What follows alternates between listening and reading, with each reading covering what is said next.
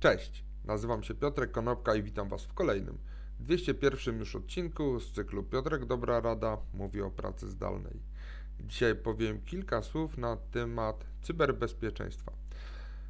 To, o czym mówię przez ostatnie miesiące, to przede wszystkim są e, benefity, ale też ryzyka związane z pracą zdalną. Przede wszystkim 77% pracowników mówi o tym, że ich wydajność, ich produktywność jest wyższa, gdy pracują z domu. 76% pracowników mówi, że wolałoby całkowicie unikać obecności w biurze, tak żeby się skoncentrować wyłącznie na realizowaniu projektów, które mają do zrobienia. Natomiast 98% pracowników, y, którzy obecnie pracują zdalnie, chciałoby pracować zdalnie także po zakończeniu pandemii, a właściwie do zakończenia ich karier zawodowych. Aczkolwiek należy mieć na uwadze, że te wszystkie rzeczy związane z pracą zdalną niosą ze sobą ryzyka związane z bezpieczeństwem e, włamań i wszelkiego innego rodzaju dotyczącym komputerów czy y, telefonów komórkowych. Przede wszystkim, jakie mogą być zagrożenia w nadchodzącym 2021 roku. Zacznijmy od tego, że e, mamy skamy, czyli oszustwa e, e, phishingowe. Czyli te phishingowe maile, które przychodzą do Waszych pracowników, to może być bardzo duże ryzyko. Te maile to jest jeden z najprostszych materiałów do tego, jak można się włamać do Waszej firmy. Na drugim miejscu można zwrócić uwagę na ransomware, czyli oprogramowanie, które użytkownik nieświadomie zainstaluje albo zainstaluje go jakiś wirus i nagle wasze komputery zostaną zablokowane i będziecie musieli zapłacić okup, najczęściej w bitcoinach, tak żeby te wasze komputery mogły zostać odblokowane i żeby ludzie mogli zacząć ze sobą normalnie pracować. Na trzecim miejscu warto zwrócić uwagę na przechwytywanie zasobów chmurowych.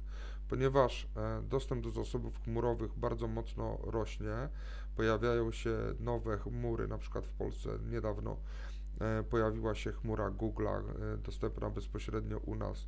Pozdrowienia dla Magdy Dziewguć, która tą chmurą Google'ową w Polsce zarządza.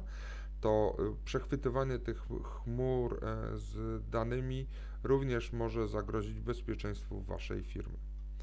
Na czwartym miejscu umieściłbym e, ataki man in the middle, czyli jeżeli człowiek znajduje się na przykład w jakimś miejscu publicznym i łączy się z jakąś niezabezpieczoną, poprzez jakąś niezabezpieczoną sieć z na przykład waszymi serwerami, to właśnie tego typu ataki mogą spowodować, e, że e, te połączenia będą przechwytywane i wasze tajemnice nie będą już tajemnicami. No i na piątym miejscu można zwrócić uwagę na ataki DDoS, czyli zalewanie waszych serwerów jakimiś zapytaniami w sposób e, automatyczny, tak żeby wasze serwery przestały działać. I na te zagrożenia powinniście zwrócić uwagę. W jaki sposób warto zabezpieczać swoją organizację w nadchodzącym roku? Zróbcie e, to, do czego zachęca na przykład Facebook, czyli uwierzytelnienie dwuskładnikowe. Logujecie się podając login i hasło, ale na przykład na telefonie komórkowym e, pojawia się SMS albo w innej aplikacji pojawia się konieczność potwierdzenia tego, że ktoś się logował. E, po drugie, to mogą być systemy dostępu warunkowego, czyli na przykład w określonych godzinach, po określonych zachowaniach. E, ten dostęp będzie udostępniony dla waszego użytkownika. E, polityki związane z utratą e, danych, czyli na przykład e, to się nazywa DLP policies, to, to są wszystkie te reguły związane z tym, co należy robić, żeby uniknąć właśnie utraty danych. Tu także można zastanowić się nad różnego rodzaju ubezpieczeniami. Po czwarte, miejcie na uwadze bezpieczeństwo Waszych maili. To, żeby ludzie hasła mieli odpowiednio zabezpieczone, ponieważ 96% e, ataków phishingowych i 49% ataków malware'owych pochodzi z maila. E, te maile i tych ludzi, którzy te maile odbierają, najłatwiej jest złamać. Nie trzeba wcale wyrafinowanych systemów do łamania haseł, wystarczy złamać człowieka. Kolejnym elementem, na który powinniście zwrócić uwagę, to są backupy.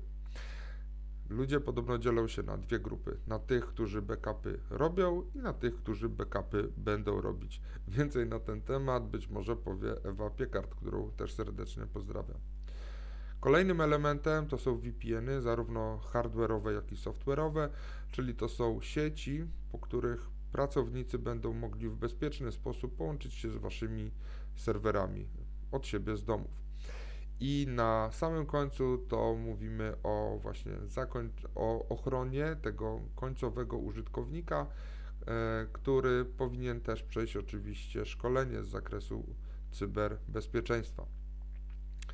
Pamiętajcie o tym, że to jak silna jest wasza firma jest e, związane z tym, jak dobrze wyszkoleni są w cyberbezpieczeństwie wasi pracownicy. Ostatnie przykłady podejrzanych zachowań na różnego rodzaju kontach e, społecznościowych przez e, różnego rodzaju polityków pokazuje, że ludzie nie mają pojęcia, w jaki sposób należy dbać o swoje bezpieczeństwo w sieci i w jaki sposób dbać o bezpieczeństwo tych wszystkich urządzeń, z których obecnie korzystamy.